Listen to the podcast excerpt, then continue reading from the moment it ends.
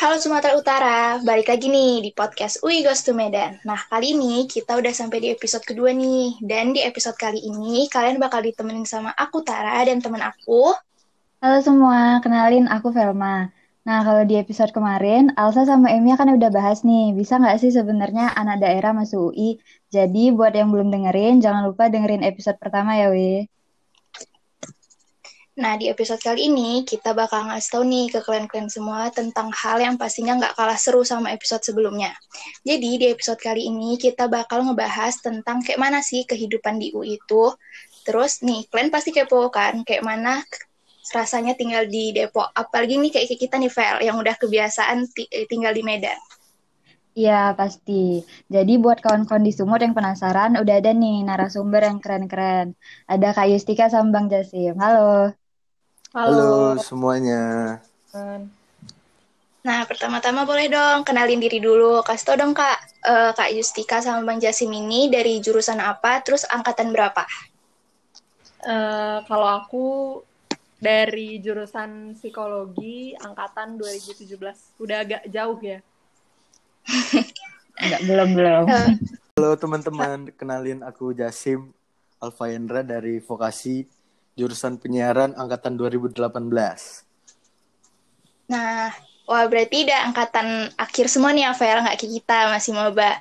Nah, hmm. jadi uh, aku langsung mau nanya aja nih ke Kak Yustika sama Bang Jasim. Gimana sih sebenarnya pergaulan dan gaya hidup anak UI itu?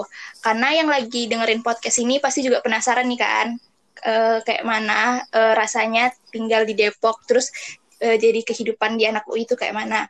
Karena uh, pribadi aku sama Velma kan belum pernah ngerasain tuh tinggal di Depok langsung terus uh, jadi ngerasain jadi anak UI langsung. Jadi menurut Kak Yustika sama Manjasin sendiri kayak mana?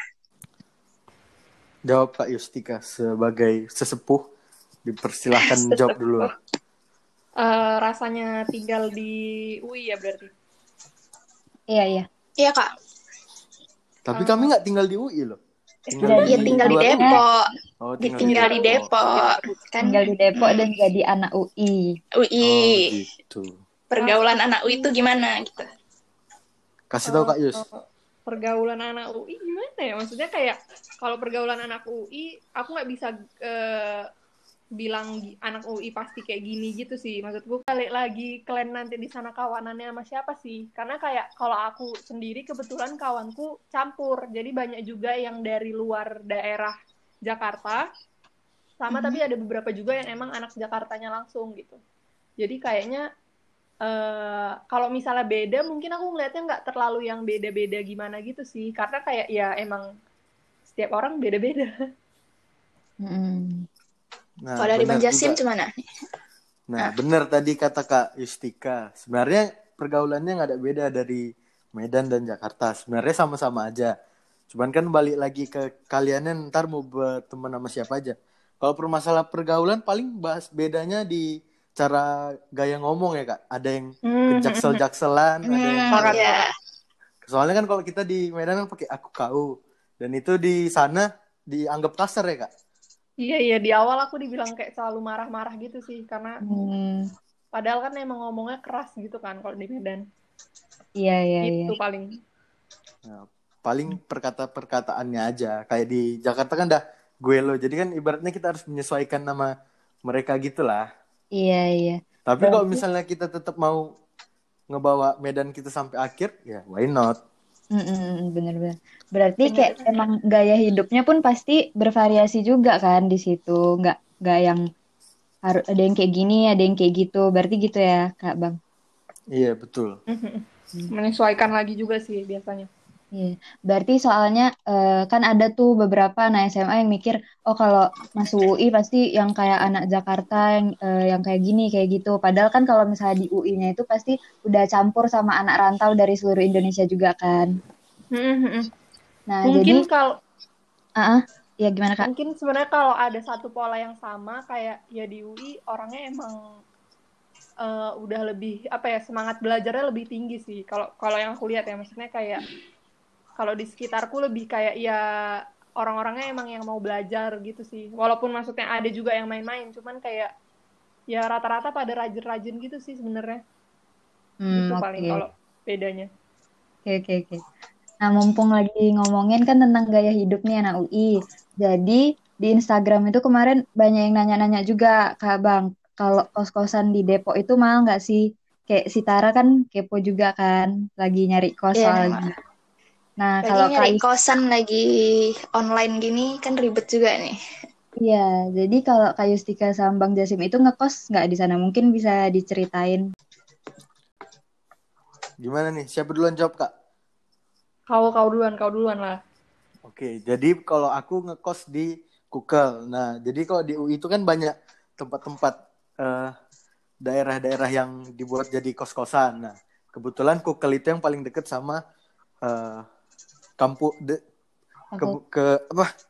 Vokasi. Kebetulan Kukel itu yang paling deket sama fakultasnya ke vokasi. Nah, jadi aku ngekos di daerah Kukel itu sebenarnya harganya itu paling murah itu lima ratusan ada, sampai paling mahal juga satu setengah. Nah, itu tergantung dari fasilitasnya. Hmm. Ada yang tipe kayak memang dia harganya sejutaan, tapi kan memang fasilitasnya udah kayak udah 10 tahun atau 5 lima tahun gitulah barang-barangnya. Nah, biasanya itu kalau misalnya kos-kosan yang udah diandar yang di atas satu juta itu yang kayak kayak kos-kosan baru gitu yang masih cat-catnya bagus lah, tempat tidurnya masih enak, AC-nya juga masih baru. Biasanya kalau yang sejutaan yang udah memang udah beberapa tahun gitu dihuni.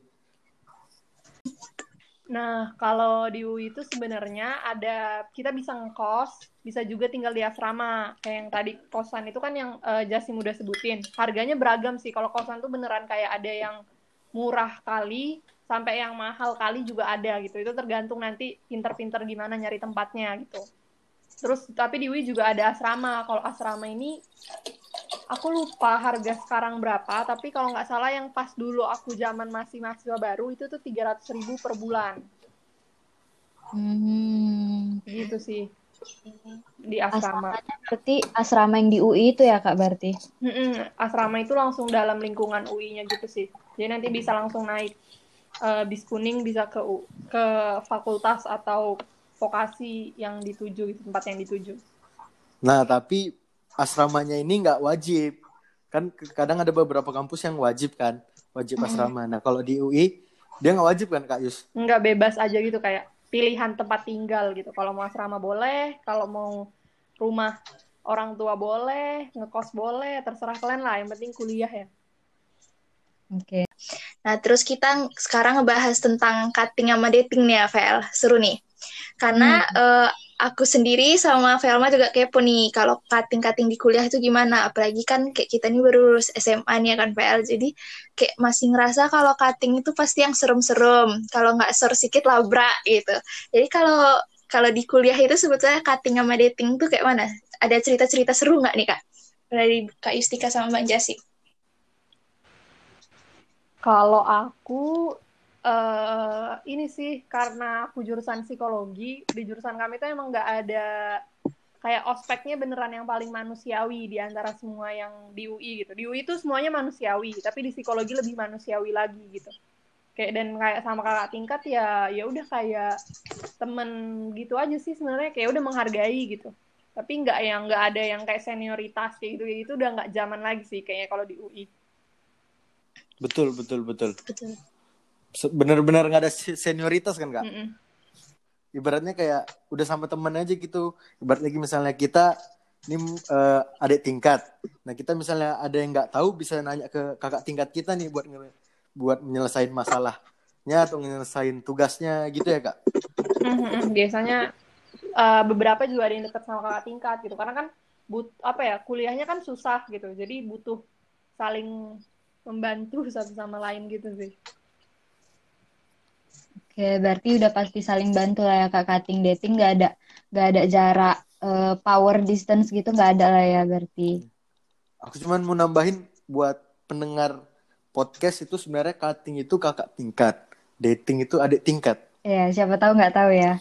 Oh ya, Iya, bisa jadi. disclaimer ya guys, disclaimer. Eh, nah, eh, setelah cerita-cerita kan tentang pergaulan tadi, tadi udah sempat disinggung juga nih sama Kak Yustika kalau kegiatan akademiknya itulah eh, yang paling Kak Yustika ngerasain beda gitu. Nah, mungkin uh, bisa diceritain lagi mungkin kali ini dari Bang Jasim juga mau nyampein karena banyak nih uh, kemarin adik-adiknya yang mikir kalau anak UI itu kayak emang ambis-ambis gitu semua. Nah itu emang benar atau ada nggak mungkin dari pandangan lain-lain dari abang sama kakak? Dari Kak Istika aja dulu. Kalau aku sih ngelihatnya gini sih, lebih ke kayak kan kalau misalnya masuk UI itu kalau di Medan ya orang lihatnya kayak eh udah pinter kali nih karena bisa masuk UI gitu.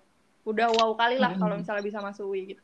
Nah ketika kalian sampai di UI semua orang kayak kalian gitu. Bahkan banyak yang lebih gitu. Tapi aku nggak bisa bilang semuanya ambis gitu. Tetap ada tetap ada yang maksudnya malas-malasan menurutku ada gitu. Cuma ya emang rata-rata tuh di UI pada ya rajin. Maksudnya kadang kan masuk UI itu udah susah ya. Kalau misalnya di dalamnya kita malah main-main atau maksudnya bukan main-main apa ya bilangnya? Malah uh, ya nggak serius gitu. Maksudnya kayak ya santai-santai aja gitu.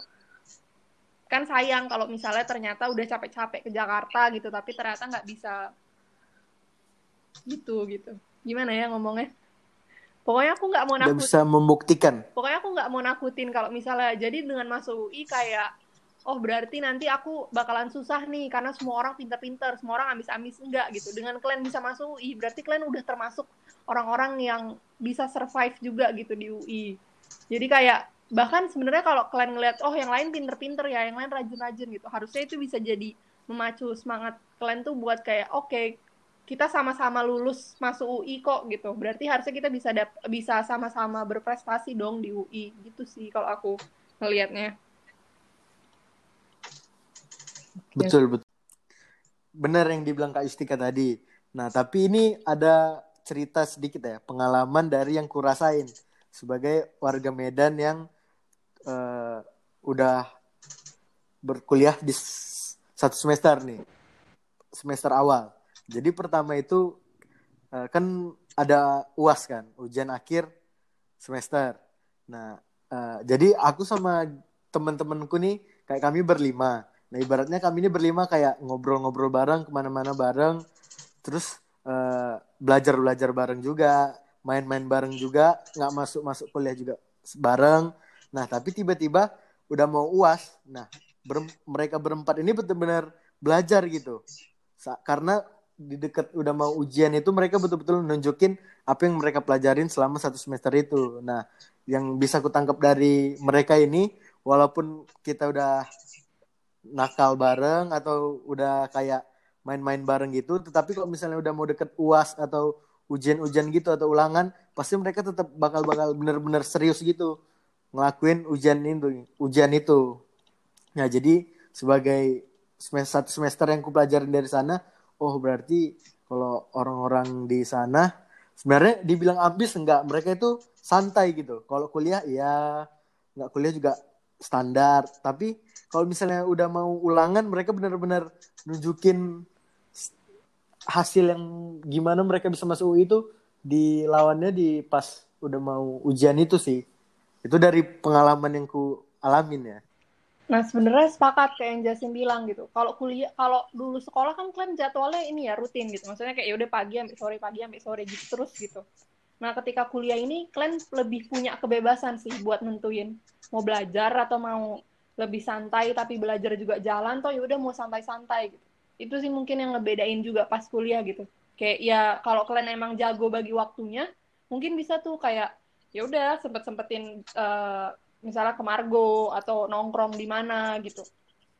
Itu bet itu betulan kayak balik lagi ke dirinya sendiri gitu sih. Kayak kalau emang mau dibuat kuliahnya jadi suatu hal yang menyenangkan bisa gitu. Kalau yang mau milih belajar belajar terus sampai mampus juga bisa gitu. Itu terserah orangnya lagi gitu nggak sih kalau di UI dan di UI beragam kali gitu. Ada yang ambis terus ada yang selau tapi ada juga tuh di UI yang kayak ketawa-ketawa pas ujian ya udah bagus semua nilainya gitu. Hmm. ada yang ambis di awal aja Oke oke oke. Berarti uh, bisa dibilang kalau anak UI itu daripada ambis lebih ke bisa mengatur diri lah ya berarti kalau mau main-main tapi tanggung jawabnya juga tetap di uh, tanggung jawabin di dijalanin gitu berarti yang penting kita bisa menyesuaikan diri dengan situasi Hmm. Ya nggak Kak Istika? Iya, menyeimbang. Pokoknya seimbang lah, nggak yang ini kali, itu kali gitu. Jadi harus pandai-pandai diri kita sendiri lah ya kak ngatur-ngatur ya. Iya. Itu juga moral pelajaran moral yang nggak bisa kita dapetin di kuliah. Itu balik lagi ke diri kita. Hmm. Gimana cara kita belajarnya itu di situlah kita mencoba jadi anak rantau buat ngembangin apa ya pelajaran yang nggak didapetin di kelas gitu ya kak. Mhm. Iya itu yang di- Nah tadi kan kita udah ngebahas tentang yang akademisnya lah, ada yang serius-seriusnya. Nah sekarang kita masuk ke yang non akademis ya, Pel. Iya. Eh, ter- eh, menurut kakak dan abang sendiri nih kegiatan non akademis di UI itu kayak mana sih kan pasti kan beragam-beragam terus eh, bisa diceritain nggak nggak kak maksudnya kegiatan yang ada di UI itu apa aja maksudnya kan biar pendengar podcast ini makin tertarik gitu bisa masuk eh, UI terus dan kak Yustika sama bang Jasim sendiri itu ngikutin kegiatan apa aja Jasim dulu sih. Tadi kan pertanyaannya ada kegiatan non akademis ya. Sebenarnya Mm, kalau ini buat pendengar eh, teman-teman yang dengar kegiatan di non akademis di UI itu banyak kali ya. Ya nggak kak? Banyak kali. Nggak bisa disebutin satu-satu pun juga nggak hafal kita. Mau dari event musik ada. Kegiatan non akademis yang termasuk itu ya, Iya iya betul. iya iya Iya. Mau event musik ada, event kayak seminar-seminar yang ngundang-undang uh, orang-orang terhebat di Indonesia juga ada. Banyak lagi lah pokoknya. Jadi kalau setiap jangankan setiap fakultas di UI-nya aja udah ada acara gitu, udah ada event. Apalagi kalau di kampusnya, apalagi di jurusannya. Nah, berarti kok ibaratnya kan kayak kegiatan non akademis nih di UI itu banyak dan kita bisa nge-explore diri kita di masing-masing di mana aja yang kita bisa nentuin. Ibaratnya kalau misalnya kita suka di kegiatan musik, kita mas- bisa masuk di event pensi gitu. Atau misalnya kita pengen yang event yang kita cerdas cermat bisa event cerdas cermat. Itu kan berarti kan termasuk kegiatan non akademis kan. Kalau aku sendiri ngikutin apa ya proker proker dari kampus paling kalau maba kan gara-gara kita maba nih semangat maba tuh kan masih menggelegar. Jadi kayak apa aja yang ada di di depan mata kita ada acara misalnya ada event gitu langsung aja daftar langsung aja daftar. Selama dua bulan awal tuh ibaratnya abis kuliah langsung jalanin event jalanin event kayak sebenarnya dibilang event enggak ya? Proker ya kak? Lebih ke proker. Proker tuh apa tuh proker?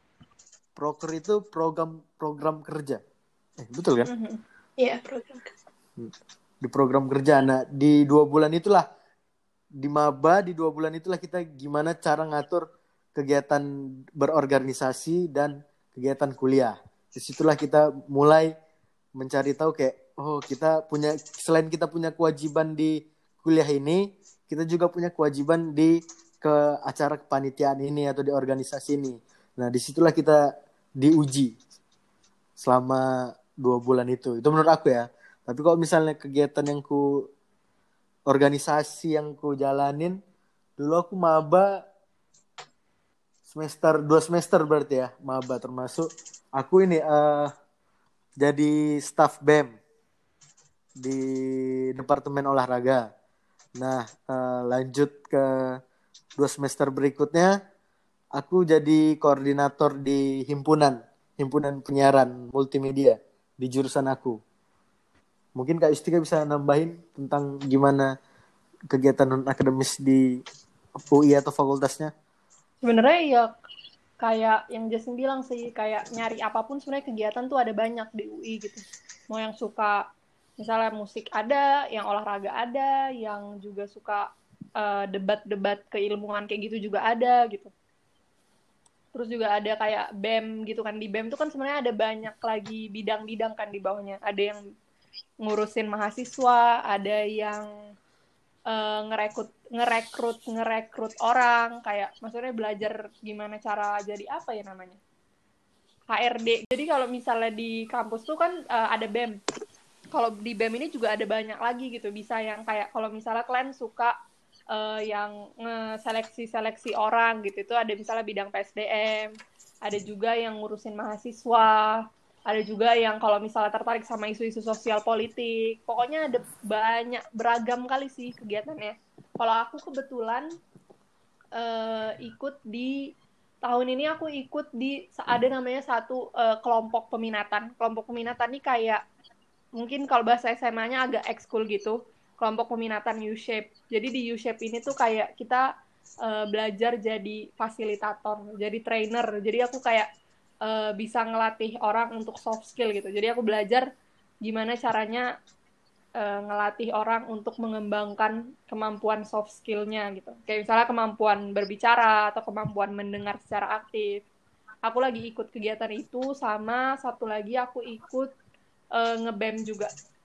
Di BEM aku di di di di mana ya? Di di BEM aku di uh, di BEM UI di Departemen Aksi dan Propaganda BEM UI. Jadi itu kayak bahas eh, bahas-bahas isu sosial politik yang ada di Indonesia saat ini. Tapi aku udah demis karena kita udah bubaran BEM-nya kemarin. Oke. Berarti menarik kan? Ya, itu menarik kan? menarik, menarik. Menarik, menarik. Keren, keren, keren, uh, keren semua. Berarti dua-duanya aktif kali lah ya ini Tar, sama-sama hmm, anak BEM. Yeah. Nah, bisa nih buat adik-adik yang udah kepo kan dari sekarang udah ambis pengen masuk BEM gitu kan kita tanya-tanya nih. Jadi kakak sama abang itu eh, pernah nggak ada kesulitan selama ngejalanin proker atau kegiatan kepanitiaan atau organisasi gitu? Karena kan kalau sambil kuliah, apalagi tadi kayak seharian di UI gitu kan, pasti kan kalau lagi hektik susah nggak sih ngatur jadwalnya? Itu gimana? Gimana Jasim? Sebenarnya balik lagi yang ke ku bilang tadi kan, ibaratnya kita ini baru lulus kuliah, eh, baru lulus SMA, masuk ke zona kuliah. Ibaratnya kalau misalnya kita di SMA kan paling kita cuma aktif di OSIS. Ibaratnya OSIS juga paling uh, kepan apa ada acaranya juga pasti nggak sebanyak di kampus kan. Kalau misalnya kita udah masuk dunia kampus, ibaratnya kita udah milih beberapa kepanitiaan, terus misalnya kita udah milik dua kepanitiaan, dicampur dengan kuliah kita. Ibaratnya kita punya tiga kewajiban yang harus kita laksanakan kan. Nah, jadi itu kita harus benar-benar atur waktunya antara harus dipilih prioritasin yang mana. Kalau aku sih kemarin lebih milih prioritasin ke pertama itu kuliah, yang kedua eh, kepanitiaan ini. Jadi ibaratnya walaupun kita udah aktif di kepanitiaan, kita harus tetap fokus dengan kuliah kita. Soalnya kan uj, uh, kita masuk UI itu kan buat mau kuliah, bukan masuk ke panitiaannya ini. Jadi kalau dari aku cara kita yang paling bisa mengaturnya itu kita harus tahu prioritas kita jadi anak UI itu ngapain aja. Gila gila. Keren keren keren keren keren. Mantap mantap. Uh, Kak Yustika gimana nih? iya kayak yang Jason bilang sih kayak kalau udah banyak kegiatan kan kadang kita kayak bingung gitu ya kayak susah ngatur waktunya gitu. Hari ini harus ngerjain ini ngerjain itu. Yang ada kalau kalau semuanya mau dikerjain sekaligus pusing sendiri stres sendiri gitu. Makanya perlu pinter-pinter nentuin skala prioritas itu. Kayak tahu nih kayak sekarang mana yang paling harus dikerjain duluan mana yang sebenarnya tujuan kita dari awal gitu. Paling pinter-pinter nentuin gitu sih biar nggak kelabakan. Walaupun kalau kelabakan sekali-kali ya wajar lah ya namanya manusia ya ya namanya juga mahasiswa. Semangat mudanya itu pasti menggelegar ya. Tapi sebenarnya ada satu cara yang paling ampuh menurut aku nih ya. Kita harus punya satu orang boleh teman boleh pacar yang bisa kita ajak ngobrol kayak uh, misalnya bahas-bahas tentang ini tentang kuliah kita sama tentang kepanitiaan kita. Ibaratnya kita cerita ke dia, dia bisa jadi solusi buat kita atau sebaliknya kita bisa jadi solusi buat dia. Nah, jadi itu menurut aku cara yang paling penting itu harus cari satu orang yang kita bisa bertukar pikiran. Jadi ibaratnya kita bisa ngasih solusi dan bisa ngasih hal yang bermanfaat ke depannya. Yes. Oke, okay, mantap. Mantap, mantap.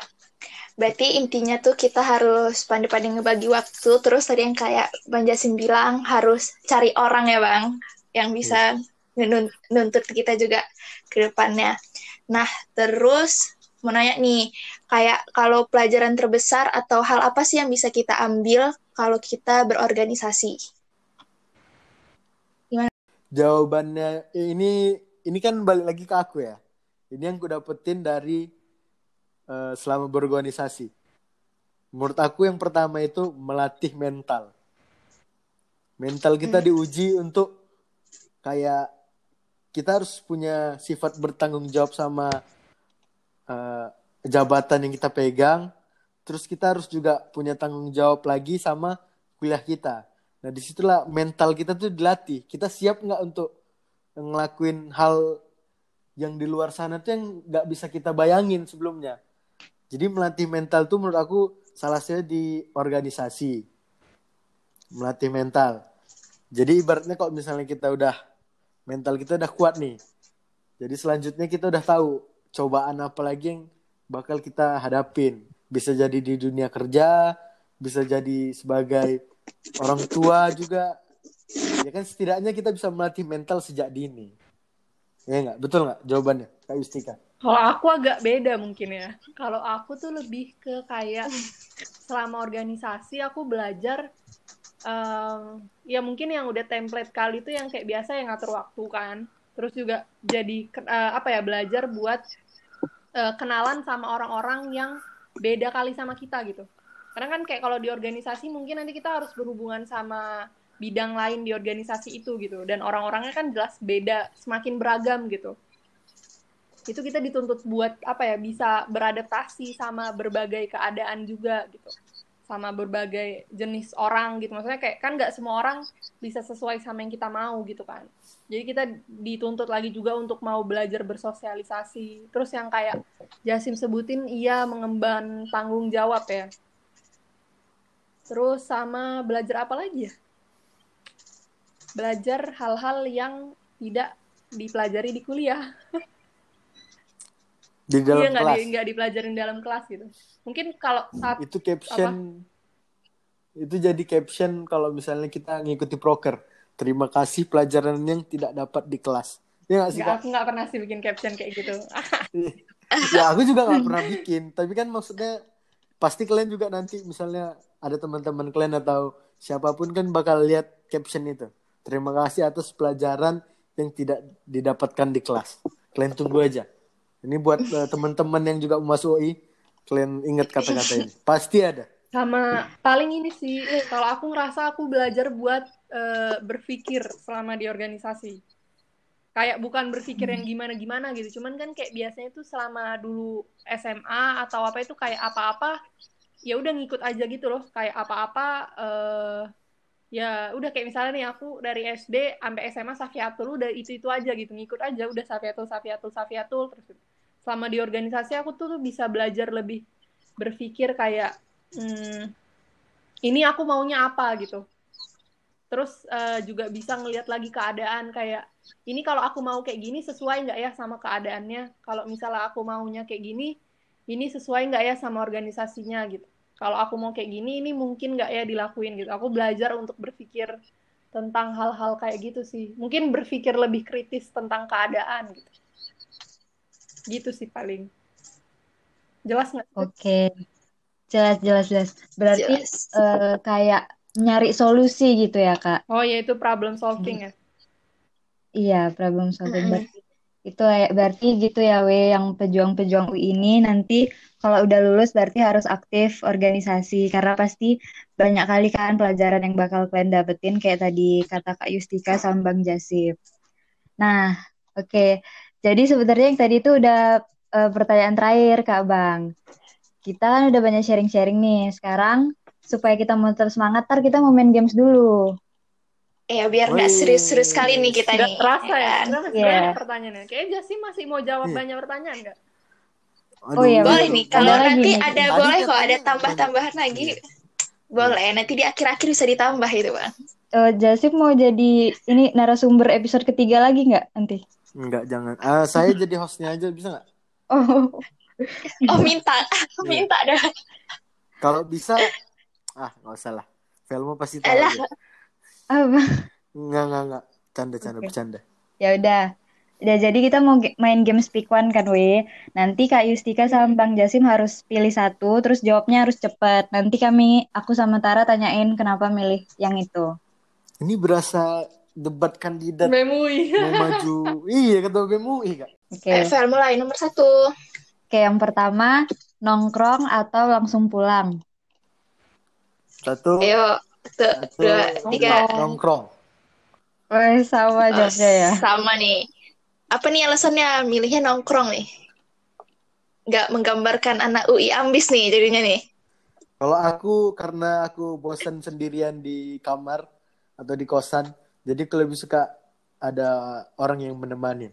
Makanya lebih pilih nongkrong. Atau enggak bisa aja nongkrong di kosan, ajak kawan-kawan nongkrong di kosan. Oh Karena iya, balik bisa. lagi Bener, ke bener, aku, bener. aku nggak mau sendiri orangnya. Kalau Kak Istika, Sebenarnya tergantung juga. Maksudnya kadang kayak nongkrong kan bukan cuma main-main ya konteksnya. Kayak kadang juga nongkrong tuh iya. sama temen eh, Ngerjain kumpul-kumpul tugas. gitu. Kayak kadang udah capek kuliah juga kan perlu juga kan. Maksudnya Mm-mm. kayak ke mana gitu biar nggak pusing-pusing kali lah. Gitu sih paling. Karena kayak Cuman aku kalau sakit langsung pulang ya, nggak nongkrong juga. iya kalau aku banyak kalau sakit. aku banyak tugas aku juga langsung pulang sih. Jadi kayak ya sesuai Hmm. keadaan. Maksudnya ya balik lagi kayak kau ada waktu buat nongkrong nggak? Kalau ada ya nggak apa-apa gitu. Oke, oke, berarti tergantung situasi hari itu Tergantung lah ya, situasiannya. suasana Tergantung hati. semua jawabannya. Bergantungan kita nih. Lanjut nih ya, nomor dua. Ngerjain tugas mepet deadline atau dari jauh-jauh hari? Mepet deadline. Mepet deadline. Eh, sama terus jawabannya Tar. Ada Aduh, kompak juga nih dua hari. Mepet deadline tuh udah menjadi darah daging. Ibaratnya kayak bawaan dari SMA ya kak? Ya nggak sih gara-gara mepet deadline tuh bawaan dari SMA. Aku kayak pas SMA nggak Walau- gitu sih. Ya nggak tahu sih. Kan kita SMA berbeda-beda. Oh iya. Tetapi gara-gara kuliah ini, misalnya tugasnya buat uas, pasti akan dikerjakan dua minggu sebelum uas. Karena ada skeptis yang mengatakan kalau eh, ngapain buru-buru, mending sekaligus biar langsung selesai. Oke, ada kayak gitu ya. Oke, ada ada ada Ada nggak sih? pemikiran kayak Ya gitu, Vera, ada ternyata, Vera. aja. Ini kan Ada, ada. agak lucu dikit podcastnya kan. Iya. Iya, boleh, boleh. Oke. Kalau Kak Istika kenapa tuh milih deadline? Kalau aku eh kebiasaan sih jadinya nggak bagus sih sebenarnya maksudku tapi kayak ya udah udah kebiasaan ngerjain deadline aja selama kuliah gitu karena biasanya kayak nggak tahu kayak ngerjain kuliah ya mungkin masih banyak males-malesnya ya jadi kayak ya udah sesuai deadline gitu gitu sih Karena makin mepet deadline, makin pinter kita ngerjainnya. Makin lancar Makin otaknya, lancar. Bang. Betul nggak kak? nggak tergantung Aduh. Oh, Jawabannya ada tergantung ketergantungan semua. nggak sih kak Tapi kalau Ada perbedaan pendapat kalau ya ini. Teman-teman kalau kau kayak gitu podcaster, eh apa podcaster gimana? Podcaster. podcaster, kalian juga bisa ketergantungan berjawab dengan bahasa Iya. tergantung. Sumpah, ini kalau nanti kalian eh, punya teman anak psiko, pasti jawabannya tergantung, semuanya tergantung. Karena mereka semua mentelaah setiap kejadian. Ya, Enggak sumpah, Hmm. tapi kayak kalau aku kenapa deadline, kita balik lagi ya nih. Kalau aku kenapa deadline, karena kayak kadang eh, misalnya nggak bisa ngerjain langsung kan, karena ada tugas lain atau apa gitu, atau mungkin kegiatan organisasi. Jadinya ya udah karena kebiasaan, jadinya ketunda, ketunda, ketunda, nggak sadar tuh sudah deadline gitu. Terus ya udah jadi sampai sekarang kebiasaan gitu sih. Cuma kayak kalau Itu boleh betul. milih, aku mau nggak mau, aku pengen kali sebenarnya bisa ngerjain nggak sesuai, eh nggak mepet deadline gitu. Kayaknya hidup lebih enak sih, Pak. Tapi nggak tahu ya. Gitu. Intinya semua balik diri ke masing-masing. Tergantung aja. Tergantung diri masing-masing. Ya nggak kak? Balik ke konteks. Podcast kali. Nanti judul tergantung. podcastnya tergantung. tergantung. Ini podcastnya bukan Tergantung. kehidupan di UI. Nih, Iya, backsoundnya nanti Melly Guslow. Sampai kapan kau Eh, gantung? kapan Nah, kau gantung? Yes. Udah, udah, udah, udah. Jangan dilanjutin. Back to topic. Oke. Nomor tiga, Fel. Nomor tiga, langsung kerja atau lanjut studi? Langsung kerja. Nggak tahu. Kak Yustika Kak beda. Istika, Nggak tahu. aduh diem nih Kak Istika nih. Nggak tahu, nggak tahu. Kayak eh, sekarang kan aku udah mau lulus juga kan. Maksudnya kayak bentar lagi kan. Kami mau Hmm. lulus ini Nah, sebenarnya. kami kan bentar lagi bareng nih Kami mau lulusnya. lulus. Iya. Nah, itu aku nggak tahu kayak kayak mana ya. Nggak tahu ngelihat situasi sih. Kalau ada yang menerima aku kerja, kerja. Tergantung Ah. lagi jawabannya. Tergantung, Tergantung. cuma tergantung situasi. Iya, bener. Eh, aku inilah, aku langsung studi, langsung studi. Lanjut studi trik. Alasan aku kenapa aku milih langsung kerja karena sesuai dengan eh, Tagline program Vokasi. vokasi yang Vokasi. siap Siap kerja. kerja ya? Iya, Jadi Siap kayak kerja. ibaratnya ya kan kalau di vokasi kan kita juga bakal magang nih. Nah, ibaratnya jadi dari Iya, magang iya, itu kita udah dibakar semangat kita untuk nyari duit, nyari duit, nyari duit gitu. Lanjut, Fel. Oke. Yang terakhir nih, Kak. Bang. Kuliah online atau kuliah offline? Ini pasti pertanyaannya nggak ada tergantung. Offline. Kuliah offline, Nggak ada, nggak ada tergantung. nggak ada tergantung. Ini udah, ini udah Aku obvious tergantung kali nih. Kak. Udah offline. Udah kak, Yus, please jangan tergantung lagi. Nggak sumpah karena online, aku bisa sambil magang, sambil kuliah. Iya. Tergantung, Oh, iya, tergantung, juga sih. Iya, tergantung sumpah lagi. aku tetap tergantung sih. Sorry ya, we. Teman-teman, Iya. sorry. Kalau anak psiko emang semuanya tergantung. Iya. Tapi ya aku karena kuliah online, aku bisa magang, aku bisa sambil ngerjain hal lain lah. Kalau aku kalau kuliah offline udah kerjaanku cuma kuliah sama organisasi aja paling. Gitu sih. Gitu guys. Ada positif negatifnya juga ya berarti kuliah online offline. Cuma inilah blend- blended learning lah kalau bisa ya. Jadi kayak kalau ini kan nggak ketemu kawan sama sekali ya, pusing sendiri juga kan nengok laptop terus. Iya. Jadi blended learning lah. Iya, iya. Coba aku nanya sama kalian. Kalian mending kuliah offline apa online? Offline lah. Offline sih kayaknya. Iya. Tapi kalau Offline, karena kan online ya ada ada enaknya juga kalau online. iya sih. Tergantung. Kalian udah ketularan aku. Tapi tapi karena kayak memang belum pernah ke UI jadi ya kayaknya milih Oh, kalian offline. belum Iya, kalau daftar ulang kemarin nggak Ah. San? Enggak, kan daftar Oh, ulang enggak. online semua Wah. udah dari awal. Kalian tidak Iya. merasakan Kami, kita nggak ada tes kesehatan Wah. kan, Fel? Enggak. mereka tidak mengenal Pak Dipio, Kak Yustika. Memang tidak ada eh, DPO warehouse project tahun ini. Ya, sayang sekali. Tapi nggak apa-apa. Kalian bisa nyari di YouTube. Buat teman-teman bisa nyari di YouTube juga. Dipio, Pak Dipio. Legend, legend, legend. Pak Dipio. Oke, bisa nanti dicari ya. Soalnya kami Iya. kayak ospek aja kemarin kan online semua udah. Ya udah. Intinya Iya, bikin intinya TikTok, Bang. semoga pandemi ini cepat berlalu agar kita semua bisa beraktivitas normal lagi. Aduh, amin, amin. Amin. Semua cita-cita yang kita inginkan di masa sekarang ini harus cepat tercapai. Ya nggak Kak Yustika? Pakat, pakat. Dilancarkan sidangnya. Amin. Amin. Amin. Amin. Apa sih? Amin, amin. berhenti. Eh, aku mau ambil alih podcastnya. Ini kan teman-teman di rumah. Eh, orang ini Boleh. belum selesai loh. Udah, iya, udah selesai. apa-apa. Lanjut aja. Lanjut, lanjut, Aku lanjut, tahu lanjut, alasan lanjut. kalian masuk UI berdua. Kenapa? Terus sama jurusan yang kalian Hmm. pinginin. Hmm. Dari sekian banyaknya kenapa tapi ambilnya vokasi gitu. Oke, kayaknya Tara dulu soalnya Tara pilihan pertama vokasi memang. Hmm, oh ya. eh emang aku tuh kan dari SMA udah IPS, terus aku tuh cuma pengen ngambil eh, jurusan itu yang kayak Ilkom, eh, hubungan internasional, humas, emang kayak gitu. Kalau aku ngeletak si S1 itu banyak-banyak, terus kayak nggak lulus, kayak ngebuang harapan gitu jadinya. Kayak daripada aku kayak hal bodoh gitu walaupun nggak tahu juga ya rezeki kayak mana tapi jadinya aku dari awal udah kan ada tiga pilihan aku dari awal udah ngeletain vokasi semua jadi pertama itu eh, aku milih eh, humas yang kedua aku milih jurusan kayak Banjasim tuh Diduakan jurusan Bang Jasim. Nggak apa-apa. Hmm. Emang jurusan aku sering diduain sama orang-orang. Oke, aku ya jawab ya. Boleh. Nah, Habis ini kasih tanggapan ya Eh, Kak Istika. Jangan diam-diam aja Anda. Jadi kalau aku tuh emang pengennya ngeran lebih ke ngerantau sih daripada kayak khusus pengen di UI, pengen apa, tapi pengennya tuh kayak ngerantau kan. Karena emang ngerasa kayak kalau di Medan pertama tuh temen aku tuh itu-itu aja. Soalnya eh, kayak memang kita kan banyak kayak ka- dari kawan ke kawan ke kawan kawan. Jadi ujung-ujungnya circle-nya memang eh, taunya itu-itu itu aja gitu.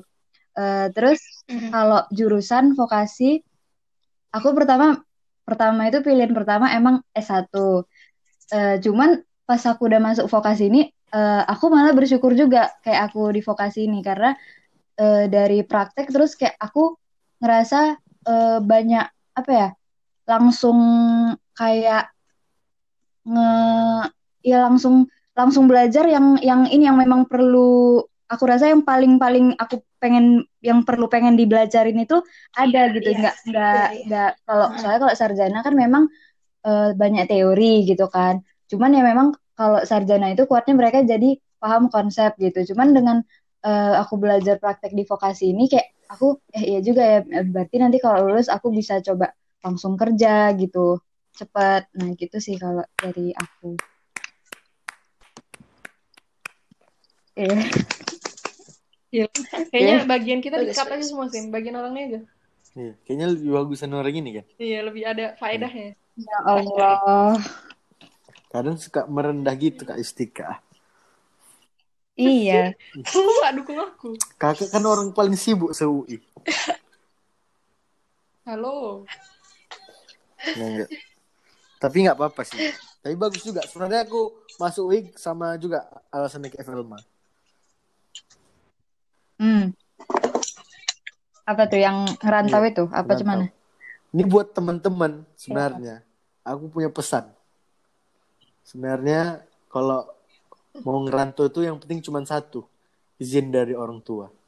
Kalau misalnya kita ada Ah. semangat kali nggak ngerantau, tapi Bener, nggak dapat bener. izin orang tua, pasti kita nggak lulus. Hmm. Ya nggak sih kak?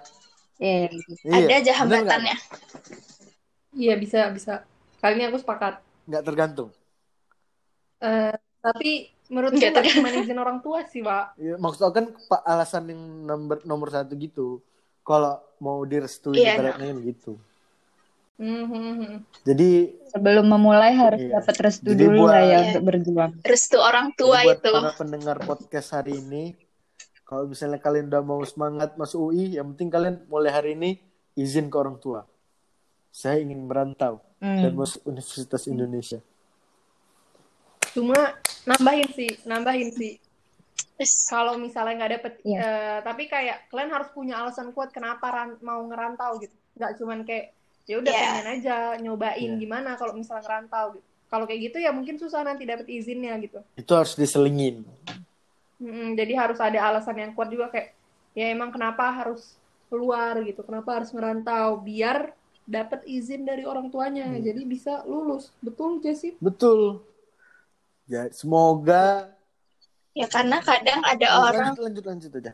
Kan karena ada orang ya karena ada orang kan yang orang tuh pengen ngerantau itu ya cuma gara-gara biar jauh dari orang tua. Maksudnya orang tuh pengen Nah. bebas, pengen sendiri gitu. Jadi kan maksudnya dari restu orang tuanya aja udah nggak bagus gitu. Betul. Gimana nanti dia pas kuliahnya gitu. Pasti kan orang tuanya juga bro. pasti makin nggak Jadi ngasih buat podcast izin gitu. Pendengarnya, Kita harus buat pendengar podcast, siapa nih? kita nggak boleh kita harus ngilangin jauh-jauh dari kata-kata bebas dari orang tua kita nggak boleh Hmm. kayak gitu Harus bisa ngeyakinin orang Iya. tua ya berarti kalau bis kita tuh emang bisa ngerantau terus kenapa alasannya dan kenapa kita bisa. jangan cuma ngerantau Oke. Gara-gara mau bebas dari orang tua itu udah salah pemikirannya. Itu pasti kita kok di sana itu Benar. bakal ngelakuin apa yang nggak dikasih di rumah dan kan dan kita lakuin di sana itu pasti terjadi. 99% ya nggak kayak Istika menurut kayak Istika gimana? Dari segi psikologi. Tergantung nggak jawabannya? Apa-apa ulang-ulang.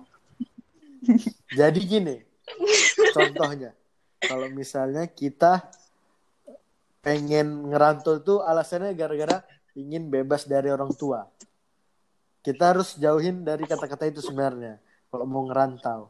Karena kalau misalnya kita udah ngerantau, kalau kita alasan kita tuh pengen bebas dari orang tua, kita bakal ngelakuin apa yang dilarang di dekat orang tua dan kita lakuin di udah dibebas dari orang tua ini. Ngerti nggak maksudnya? Ngerti sih, ngerti, ngerti. Itu kan ngerti. pasti bakal dilakuin yang nggak dikasih sama orang tua, pasti dilakuin di saat ngerantau itu. Ya nggak? Bener. Ya, ben ya benar, cuman ya Tergantung, ya, ya iya. bisa. Betul jawabannya. Iya, Cuma tergantung. aduh, aku udah ber, otak aku udah kubur. Udah berusaha mancing ya. tergantung. Enggak, tapi kayak eh mungkin ini ya, mungkin bahasanya berarti gini kayak jangan sampai mau bebas dari orang tua itu jadi alasan yang paling kuat gitu. Kalau misalnya itu jadi alasan Mm-mm. minor ya ya nggak bisa dipungkiri gitu. Mungkin beberapa emang mau kayak ya emang pengen bebas dari orang tua gitu. Selama ini selalu apa-apa ngikutin maunya orang tua gitu. Makanya pengen ngerantau gitu. Nah, tapi harus ada alasan lain selain alasan itu gitu. Kalau menurutku gitu sih. Iya. Beda gitu ya. Gitu, guys. Oke, pas pas pas pas. Berarti kayak emang tujuan utamanya itu harus untuk ke diri kitanya sendiri ya, bukan karena mau orang tuanya Iya, itu yang benar. dihindari. Jadi buat kalian Bener, berdua Bu. udah siap ngerantau belum? Udah. Udahlah, insya Allah. Udah, udah harus menyiapkan mental ini. Kalau nggak siap kan nggak mungkin Iya, nyoba benar, UI. benar. Semua itu harus dipikirkan matang-matang. Iya. Betul nggak Kak Yustika? Iya benar. Ini Sepakat, jawabannya sepakat. Kali ini enggak. Ini sepakat. Nggak tergantung ya, Kak? Oke, itu tadi udah pertanyaan terakhir dari Pikwan, terus juga ada udah ada sharing semuanya guys tentang kayak mana untuk ngerantau-ngerantau. Nah, terus nih yang terakhir nih dari Kak Yustika sama Bang Jasim ada pesan apa nih untuk pendengar podcast, teman-teman podcast kita yang lagi mungkin lagi berjuang juga pengen masuk UI biar bisa kayak kita. Eh, ada pesan atau tips apa gitu untuk teman-teman semua? Siapa dulu? dari Kak Yustika aja nanti. Ha- harus yang ya harus yang berwibawa nih pesan and tipsnya. Kalau aku kalau dulu itu kan em, quotes yang jadi wallpaper HP ku pas mau masuk UI itu adalah Mm-mm. Di saat kamu sedang bermalas-malasan 700 berapa puluh ribu pesaingmu sedang belajar gitu. Kalau dulu aku ingetnya cuma itu sih, kayak ya udah kalau emang mau masuk UI berarti harus ada yang dikorbankan gitu. Mungkin waktu mainnya atau waktu belajarnya dikurangin atau eh waktu belajar dikurangin, waktu mainnya dikurangin gitu. Atau mungkin gitu sih kalau misalnya kalian emang mau masuk UI ya eh, berarti kalian harus melakukan sesuatu supaya bisa masuk UI gitu. Dan kayak hmm, ya udah semangat aja gitu karena ketika masuk UI pasti ada banyak kali nanti manfaat yang didapat gitu. Ya udah gitulah. Aduh kurang tapi ya udahlah itulah. Coba Jasin nih yang udah lama kali mikir kayak Apa tadi? kau, ha? Apa tadi pertanyaannya? Keluarkan Pesan- Bang Yasim. Pesan-pesan nih, pesan-pesan untuk tips terus ya. Ini biar tetap semangat lah orang ini semua yang denger podcast ini. We jangan, jangan kira, we jangan. We jangan, we jangan. Jadi, we jangan, Jangan dari jangan Bang jangan. adik-adik di rumah. Ih, Jadi intinya Aduh, satu. Abang Eh, jangan, jangan satu lah. Kan kalau we jangan kan biasanya banyak. Satu. Yang penting kita percaya diri. Banyak, banyak. Pertama. Karena kalau misalnya kita nggak percaya diri, Ya. maksud aku kayak mana ya bilang percaya dirinya ini? Eh, kita mau masuk UI, tapi kita tahu kita nggak nilai kita belum cukup effort apa kayak apa ya usaha kita itu belum sepenuhnya. Berarti Usaha kita itu kita bukan belum- percaya diri, kita itu nggak tahu diri.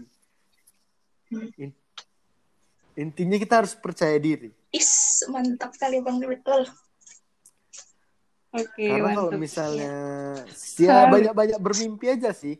Kayak lihat-liatin lah video-video tentang ospek ospek UI kayak video-video apa-apa aja tentang tentang UI. Ibaratnya kan bisa jadi memotivasi kayak kita wah, aku bisa nih.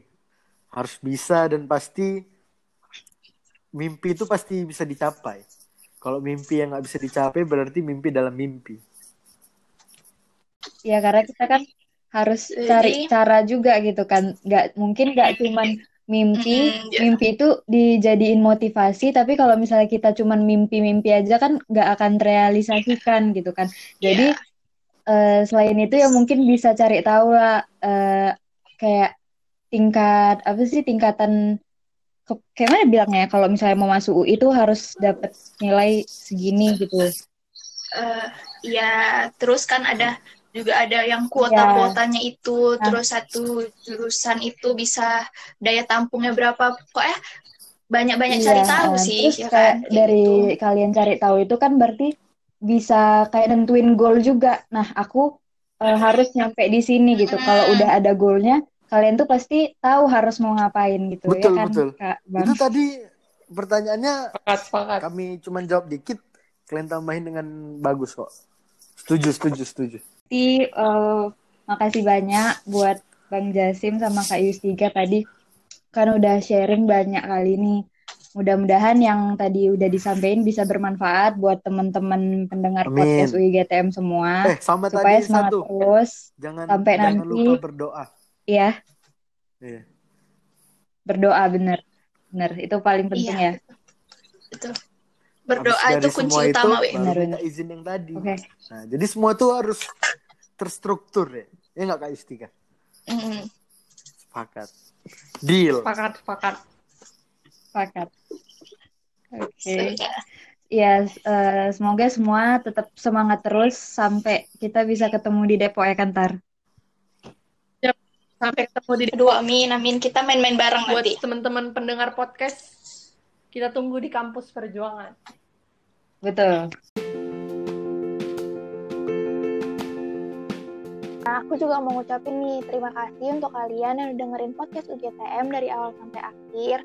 Dan semoga yang lagi dengerin podcast UGTM ini, yang sedang berjuang untuk bisa masuk UI, semoga lulus. Semoga kita bisa main-main bareng ya Kak nanti.